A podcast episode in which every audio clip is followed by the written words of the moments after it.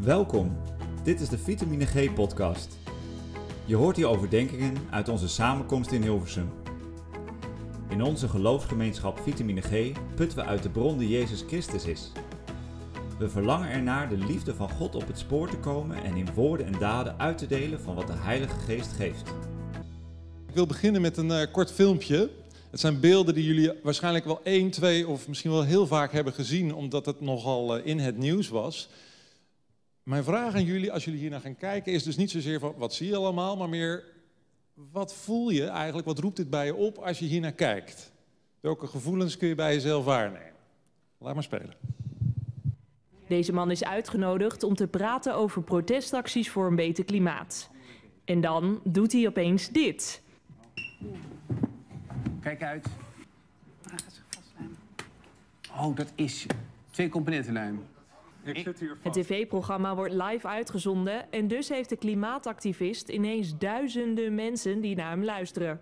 dat al het leven, dat de, ehm, het leven van mensen op het spel staat. Zijn actie lijkt erg op wat er begin dit jaar in Engeland gebeurde tijdens een live radio-uitzending. You have a massive platform, right? Oh, here we go. From a microphone that you can use to tell people about the situation we're in. For those of you listening, wondering what the banging on the microphone was, Mr. McGovern has apparently, I think, is, is it glue? You seem to have glued yourself to the microphone. So Ja, actievoerders die zichzelf vastlijmen om aandacht te vragen voor het klimaat. Je zag het deze week misschien al eerder in het Jeugdjournaal. In een museum in Duitsland gooiden actievoerders aardappelpuree naar een schilderij van de beroemde schilder Monet. Gelijk daarna plakten ze zichzelf vast aan de muur. En dit gebeurde vorige week in Engeland. Tomatensoep over een duur schilderij van Vincent van Gogh. En ook hier mensen die zichzelf vastplakken. What is worth more? Art, life. Volgens de actievoerders wordt er alleen naar hen geluisterd als ze iets extreems doen. Gisteravond werd er naar deze man vijf minuten geluisterd en toen werd de uitzending onderbroken voor reclame. In die tijd werd hij met tafelblad en al de televisiestudio uitgedragen. Zijn handen bleken trouwens niet heel goed vast te zitten, want hij schoof er makkelijk vanaf. Nou, dat kon je net niet zien. Hij viel dus zo van die tafel af terwijl ze die tafel opzij hielden. Dus die lijm, ik weet het niet, maar... maar goed, je hebt het gezien en misschien voor de, eh, niet voor de eerste keer. Wat merk je bij jezelf? En je mag even wat roepen als je, als je hier naar kijkt. Wat, wat voel je, wat, wat valt je op of wat denk je als je dit ziet? Pardon? Wanhoop. Vervreemding. Twee dingen. Irritatie. Gêne. Lef. Ja. Ja. Ja. Boosheid, hè? Je boos maken als je het ziet. Nou, best heel verschillende dingen. En volgens mij is het een mix van... Hè, jullie roepen ook best wel heel verschillende dingen. En volgens mij, ik herken volgens mij alles wel. Dat je denkt van ja, ik kan me dat gevoel wel voorstellen. Dat gevoel heb ik ook wel even gehad. Dus hè, iets wanhopigs, iets, er is iets serieus aan de hand. Maar het is ook een beetje irritant. Of misschien wel heel erg irritant, vinden sommige mensen. Eh, er is wat aan de hand, maar je wordt ongemakkelijk van. Nou, ehm, Ehm, dit zijn in ieder geval mensen die eh, zich laten horen en zien om een probleem op de kaart te zetten. In dit geval het klimaatprobleem. En ze gaan provocerend te werk. Want, zeggen ze, als we het niet zo doen, dan worden we niet gehoord. En ehm, ja, ik vroeg me af, zou je dit nou moderne profeten kunnen noemen? De titel van het boek wat wij behandelen. Zijn dit al misschien moderne profeten? Ik weet het niet, maar we gaan, eh, we gaan daar vandaag wel naar kijken. En ik moet even de Bijbel pakken, want we gaan lezen uit eh, Lucas 20. Dat zal ik even vanaf hier doen. En dan gaan wij iets lezen over ehm, een verhaal dat Jezus vertelt. Hij vertelde de menigte de volgende gelijkenis. Een man legde een wijngaard aan en verpachtte die aan wijnbouwers, waarna hij voor geruime tijd op reis ging. Toen de oogsttijd was gekomen, stuurde hij een knecht naar de wijnbouwers om zijn deel van de opbrengst in ontvangst te nemen. Maar de wijnbouwers mishandelden hem en stuurden hem met lege handen weg. Daarna stuurde hij een andere knecht. Ook die werd afgeranseld en nadat ze hem hadden vernederd, stuurden ze ook hem met lege handen weg. De eigenaar stuurde toen een derde knecht, maar ook die werd afgetuigd en de wijngaard uitgegooid. Toen zei de eigenaar van de wijngaard: Wat moet ik doen? Ik zal mijn geliefde zoon naar hen toesturen. Voor hem zullen ze toch wel ontzag hebben. Toen de wijnbouwers hem zagen, overlegden ze met elkaar. Dat is de erfgenaam. Laten we hem doden, dan is de erfenis voor ons. En ze gooiden hem de wijngaard uit en doodden hem. Wat zal de eigenaar van de wijngaard nu met hen doen? Hij komt zelf, hij doodt de wijnbouwers en geeft de wijngaard aan anderen. Toen de mensen dit hoorden, zeiden ze: Dat nooit. Maar hij keek hen aan en vroeg: Wat betekent dat dan? Wat, wat betekent dan wat er geschreven staat? De steen die de bouwers afkeurden, is de hoeksteen geworden. Iedereen die over die steen struikelt, valt te pletter. En degene op wie de steen valt, wordt vermorzeld. De schriftgeleerden en hoge priesters, die begrepen dat Jezus deze gelijkenis met het oog op hen had verteld, wilden hem op dat moment laten grijpen. Maar ze waren bang voor de reactie van het volk. Ik wil eigenlijk vandaag drie dingen uitlichten. Er valt natuurlijk heel veel te zeggen over zo'n tekst, maar dit wil ik toelichten. Allereerst misschien het meest belangrijke, dat God spreekt tot mensen. En daarbij maakt hij gebruik van dienaren. Of misschien ook wel profeten. En als hij spreekt, dan vraagt hij eigenlijk om een reactie, om een antwoord. Het tweede is dat dit spreken gepaard gaat met confrontatie. En dat vraagt moed van degene die moet spreken. En het derde is dat juist een verworpen dienaar of een verworpen profeet. Oké, we hebben gelezen uit Lucas 20. Ik wil u een klein beetje context geven van wat, wat, wat is hier aan de hand, wat gebeurde hiervoor, wat gebeurde hierna. Um, hier net voor was Jezus, uh, in, uh, had hij zijn intocht gehad in uh, Jeruzalem. En de mensen hadden gezongen, weet je wel, met palmtakken. Gezegend is de koning, die komt in de naam van de Heer. Dat zagen ze in hem. Daarna was hij Jeruzalem binnengekomen en daar was hij naar de tempel gegaan en had daar die handelaars uit de tempel gedreven. En, um, en als dat is gebeurd, dan komen de fariseeën naar hem toe, de schriftgeleerden, en die zeggen van, ja, wat is eigenlijk jouw gezag? Wat maakt dat jij dit mag doen? En daar geeft hij niet zomaar antwoord op. Maar dan vertelt hij dus deze gelijkenis die we vandaag hebben gelezen. En het is de laatste gelijkenis in het evangelie. Niet lang hierna, enkele dagen hierna, zou Jezus worden veroordeeld en worden gedood. En in dit verhaal laat hij misschien wel zien waar hij staat in dat grotere verhaal.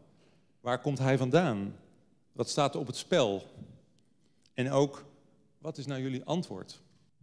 Nou, veel in deze gelijkenis zal voor zijn toehoorders bekend zijn geweest, want het beeld komt bijna letterlijk uit uh, Jezaja 5 onder andere. En ze zullen er misschien wel menige preek uh, over gehoord hebben. De eigenaar van de wijngaard, ja, dat is God natuurlijk. De wijngaard zelf, dat is het land van Israël. De landbouwers, dat is het volk. En die dienaren die komen, die worden gestuurd, dat waren natuurlijk de profeten. De oogst of de vrucht, de vrucht van de wijngaard, ja, dat is een, een rechtvaardig en eerlijk samenleven zoals het de bedoeling was, zoals de wet ons had voorgeschreven. Een volk dat God dient en een lichtend voorbeeld is voor de wereld.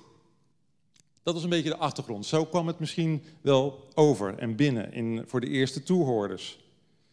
Maar laten we nu eens gaan kijken naar de hoofdrolspelers in dit verhaal. En dan begin ik met de eigenaar van de wijngaard.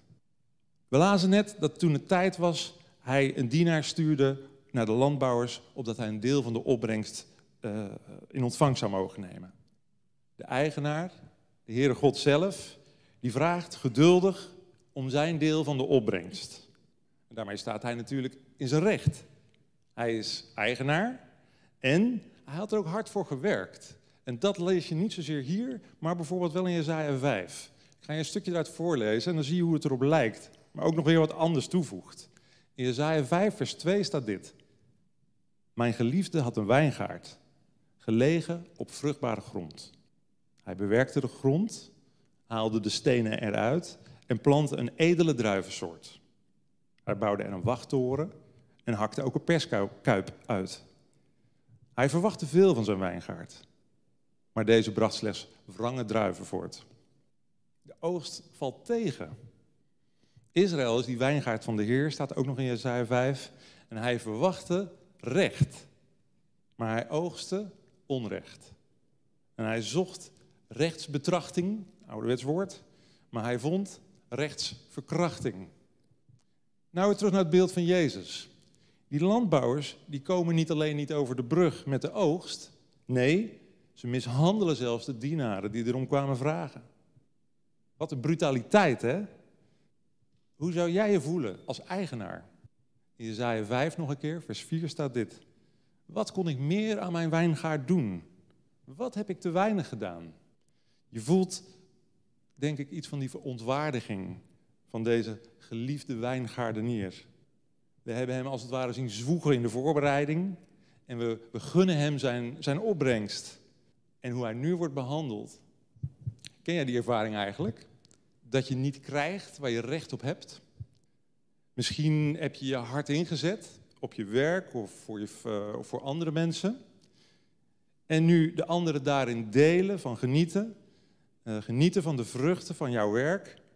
Nou, herkennen ze jou niet. Ze doen net alsof ze het zelf hebben verdiend. Wat een wrange oogst is dat, hè? Deze eigenaar de is heel, heel geduldig. Al neemt het geweld hand over hand toe. Hij stuurt één, twee, drie dienaren.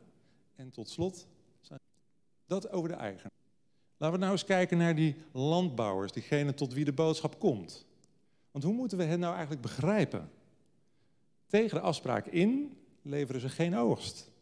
En de dienaren die er terecht om vragen, die mishandelen ze. Wat bezielt hen eigenlijk? Het staat er niet. Het wordt niet uitgelegd. Maar, ik heb er een beetje over nagedacht. En ik dacht, die Heer die is ver weg. Die zit in het buitenland. En um, ja, wat doet dat met een mens? Dag in, dag uit ben je aan het werk. In de wijngaard, stel ik me zo voor. Je schoffelt wat in de aarde. Je geeft water. Je snoeit de takken. En um, je, krent de druiven. Je, je verjaagt de vogels misschien. En zo langzamerhand voel je er vertrouwd mee worden. En uh, je wordt er ook goed in, je wordt er bedreven in. Je raakt er eigenlijk een beetje aan verknocht. En langzaamaan krijg je een beetje het gevoel dat het van jou is. En dan breekt de oogsttijd aan. Dat is de kroon op je werk. Deze mooie oogst, daar heb je het hele jaar door hard voor gewerkt. En terwijl je je prachtige oogst hebt geplukt en geperst en gebotteld, klaar voor de verkoop, misschien wel met een mooie winst. Net dan verschijnt er aan de poort en namens de Heer eist hij zijn deel van de opbrengst op. Dat kan voelen als een lelijke streep door de rekening. Die landbouwers die zijn zich gaan gedragen alsof ze zelf de eigenaar zijn. Ze vergaten dat ze slechts ingehuurd waren. En dat ze het land en de middelen alleen maar in bruikleen hadden. Het voelt misschien vanuit hun perspectief wel alsof ze bestolen werden. En daarom pakken ze de dienaar wellicht met geweld aan. geef toe, het is een beetje mijn invulling. Maar zover was ik daarmee gekomen. Maar ik vroeg me wel af, wat doe jij of wat doe ik als we ter verantwoording worden geroepen? Als de dienaar aan de poort staat, zo gezegd. Herken je die neiging, beetje dat gevoel of die gedachte van... um, hey, dit is mijn leven, laat mij mijn gang gaan. Of deze. Ja, deze opbrengst is voor mij. Ik heb er toch immers hard voor gewerkt. In mijn eigen leven herken ik dat gevoel eigenlijk best wel duidelijk, moet ik eerlijk zeggen. En het steekt steeds weer de kop op. Ik herken het, maar iedere keer komt het weer van ja, ik heb hard voor gewerkt, ik heb het eerlijk verdiend. Bemoei je niet met mij, bemoei je met jezelf. Zo makkelijk om dat voor mij te denken en te zeggen. Dus ik kan me eigenlijk best identificeren, moet ik tot mijn schande misschien een beetje zeggen, met deze landbouwers, deze hoorders. De eigenaar hebben we naar gekeken, de hoorders, de landbouwers hebben naar gekeken. Laten we nu eens kijken naar die dienaren. Diegenen die worden gezonden. Stel, jij bent dienaar nummer drie. Die erop uitgestuurd wordt om de oogst te incasseren namens jouw Heer. Je hebt gezien hoe nummers 1 en 2 voor jou eraan toe waren toen ze met lege handen en gehavend en gewond terugkwamen. Boodschappers van slecht nieuws, daar loopt het lang niet altijd goed mee. Stel je bent als dienaar de hele tijd samen met de Heer geweest daar in het buitenland. Je kent hem. Je kent zijn verhalen over de wijngaard. Je herkent die blik in zijn ogen als hij weer eens vertelt over vroeger, toen hij de wijngaard voorbereidde. Of als hij vertelt over zijn toekomstvisioenen, die hij heeft over de komende oogst. Een oogst van recht. Je kunt zijn liefde en zijn verwachting voelen. Zoals je dat misschien ook een beetje voelde in die tekst van Jezaja 5. Dat die lyrische, die lyrische stijl daarvan. Dan ga je dus op weg naar de wijngaard. Eenmaal daar aangekomen maakt dat lyrische gevoel plaats voor ongemak en angst. Je ziet de wrevel die jouw komst opwekt. Je komt duidelijk iets verstoren. Je komt een feestje verpesten. Ik moet een paar jaar geleden, toen, uh, toen reden wij een keer over de snelweg. En wij passeerden een auto die in de, aan de kant van de weg stond. Um, en uh, er was echt duidelijk wat aan de hand. Uh, een van de achterste portieren die vloog open en een jonge jongen, een tiener, die rende eruit. En even later ging de bestuurdersportier ook open en de man aan het stuur die rende achter hem aan. En hij maakte schoppende bewegingen en hij, leek hem te willen slaan.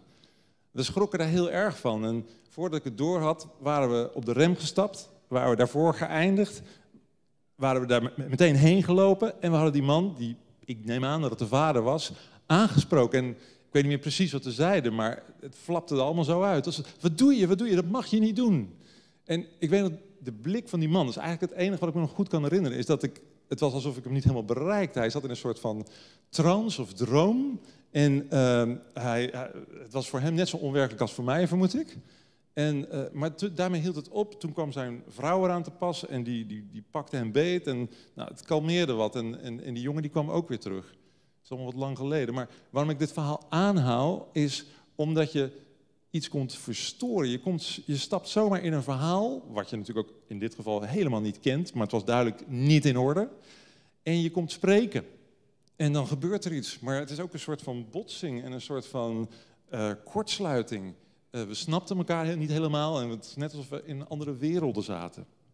Ik zal niet zeggen dat het een profetische actie was, want ik ben helemaal geen held. En uh, eerlijk gezegd sta ik zelf nog een beetje verbaasd van dat ik dit heb gedaan. Het ging allemaal reflexmatig, eerlijk gezegd. Maar het gebeurde wel. en um, ik maak nou toch even het linkje naar de profeten. Want de profeten in het Oude Testament, die voelden soms um, een roeping. Um, en dat was iets waartegen ze eigenlijk een soort van weerstand hadden. ze moesten wel spreken. Jeremia, weer een andere profeet, die zegt bijvoorbeeld, hele sterke woorden. Heer, u hebt mij verleid. Ik ben bezweken. En ergens daarna zegt hij, als ik zeg, ik zal niet naar hem, naar de Heer, uh, niet aan hem denken, ik zal niet meer spreken in zijn naam, dan werd het in mijn hart als een brandend vuur, opgesloten in mijn beenderen.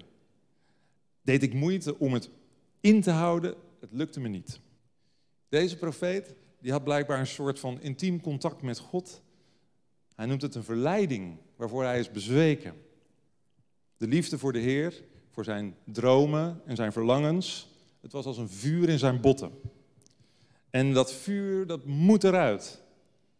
Maar nu zit het klem, want men zit niet op je boodschap te wachten. Zij hebben zo hun eigen dromen en verlangens. En zo zit de profeet bijna letterlijk tussen twee vuren in. Een confrontatie is onvermijdelijk. We hebben nu gekeken naar de heer van de wijngaard, naar de landbouwers, naar die gezonde diener. Laten we nu nog kijken naar de geliefde, maar verworpen zoon. In de hoop dat de wijnbouwers ontzag zouden hebben voor zijn eigen zoon, stuurt de Heer hem als vertegenwoordiger. Dat lijkt een fatale keuze. De erfgenaam die wordt gedood en zo dachten de landbouwers zijn rechten te kunnen stelen. Dan rekent de eigenaar eindelijk af met die landbouwers en hij geeft de wijngaard aan anderen. En dit is het moment dat Jezus toehoorders niet meer kunnen zwijgen. En ze roepen, dat nooit. Dat is opvallend, hè? Jezus lijkt nog niet klaar te zijn met zijn verhaal en ze vallen in de reden. Nee, maar dat, dat nooit. Maar wat eigenlijk nooit? Waar komen zij tegen in opstand? Waar ging hun hart naar uit? Naar de geliefde zoon of naar zijn Heer? Waarschijnlijk niet. Waarschijnlijk riepen ze het op het moment dat ze zich realiseerden dat die wijngaard in andere handen zou overgaan. Hun oogst, die ze niet wilden delen. Ik vond dat heel wrang toen ik daarbij stil stond. Als Jezus spreekt als profeet, dan wordt het hart van zijn toehoorders zichtbaar. Ze zijn helemaal niet bezig met wat Jezus bezighoudt.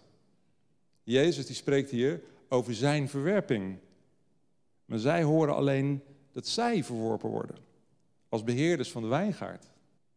Hier moeten we even schakelen, want Jezus verandert het beeld. Dat is een beetje gek. We hebben het de hele tijd over een wijngaard en nu hebben we het opeens, staan we als daar in een bouwwerkplaats. Er zijn bouwlieden die een steen verwerpen. Zo gaat hij verder. En dat is een verwijzing ook naar wat wij het Oude Testament noemen, naar Psalm 118 bijvoorbeeld. En hij zegt, zoals die steen werd verworpen, die steen die werd verworpen, zoals die zoon die ook werd verworpen. Jezus ziet op dat moment, denk ik, de weg voor zich waarin hij moet gaan en waar hij zo dadelijk verworpen zal worden. Waarin hij gedood zal worden. Hij is die afgewezen steen. Hij komt het niet tegen in opstand. En juist zijn bereidheid zich te laten verwerpen en zijn vader gehoorzaam te zijn daarmee, bewijst hij zijn geschiktheid. Zijn geschiktheid die hier wordt weergegeven als hoeksteen.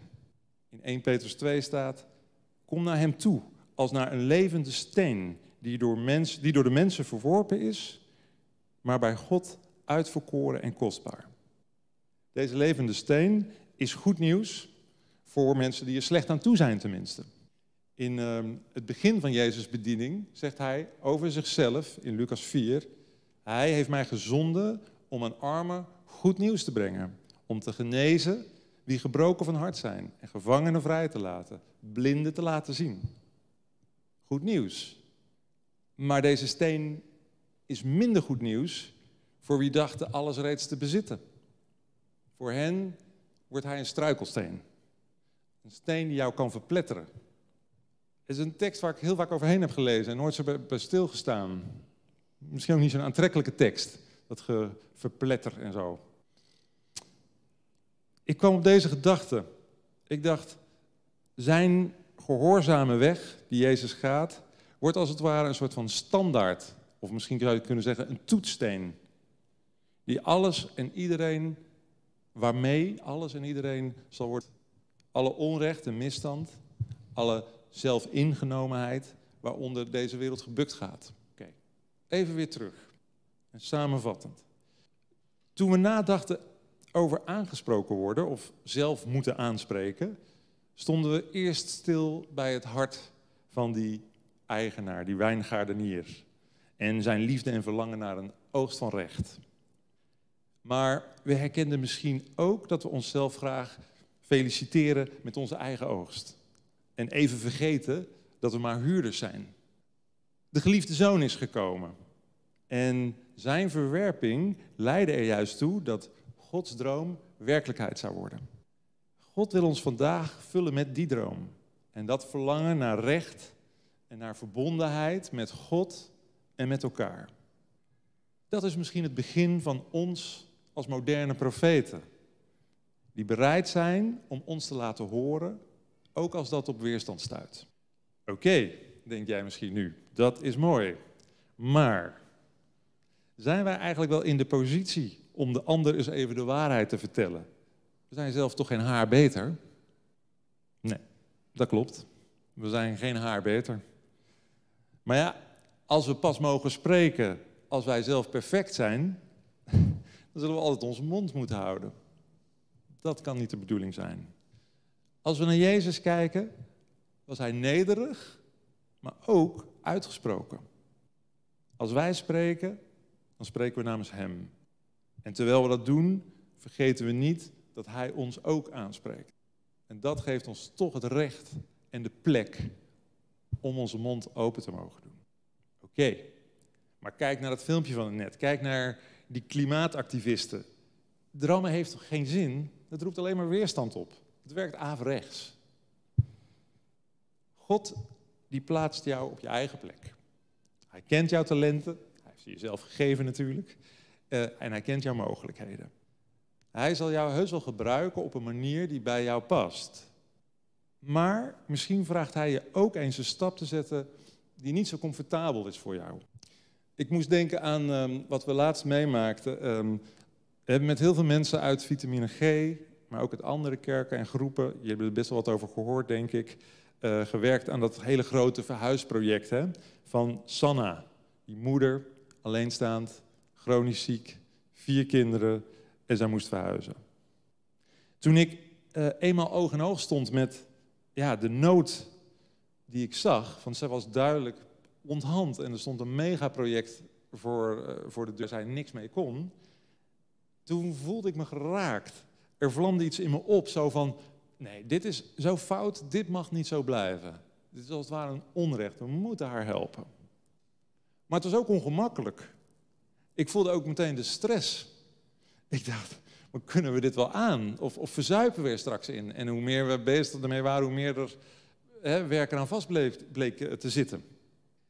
Toen ik daar later over nadacht en het ook uh, nabesprak met iemand van de Stichting Present, toen realiseerde ik me dat dat ongemak en dat vuur, om het zo maar even te noemen, dat ik dat eigenlijk ben gaan herkennen als iets van God. God die me als het ware de weg wijst en zegt, ga maar. Spreek je uit, of in dit geval, stroop je mouwen op. Maar dat kan soms bijzonder veel op elkaar lijken. Dit was de Vitamine G podcast. Bedankt voor het luisteren. Ben je nieuwsgierig naar onze geloofsgemeenschap? Kijk dan op vitamineg.net.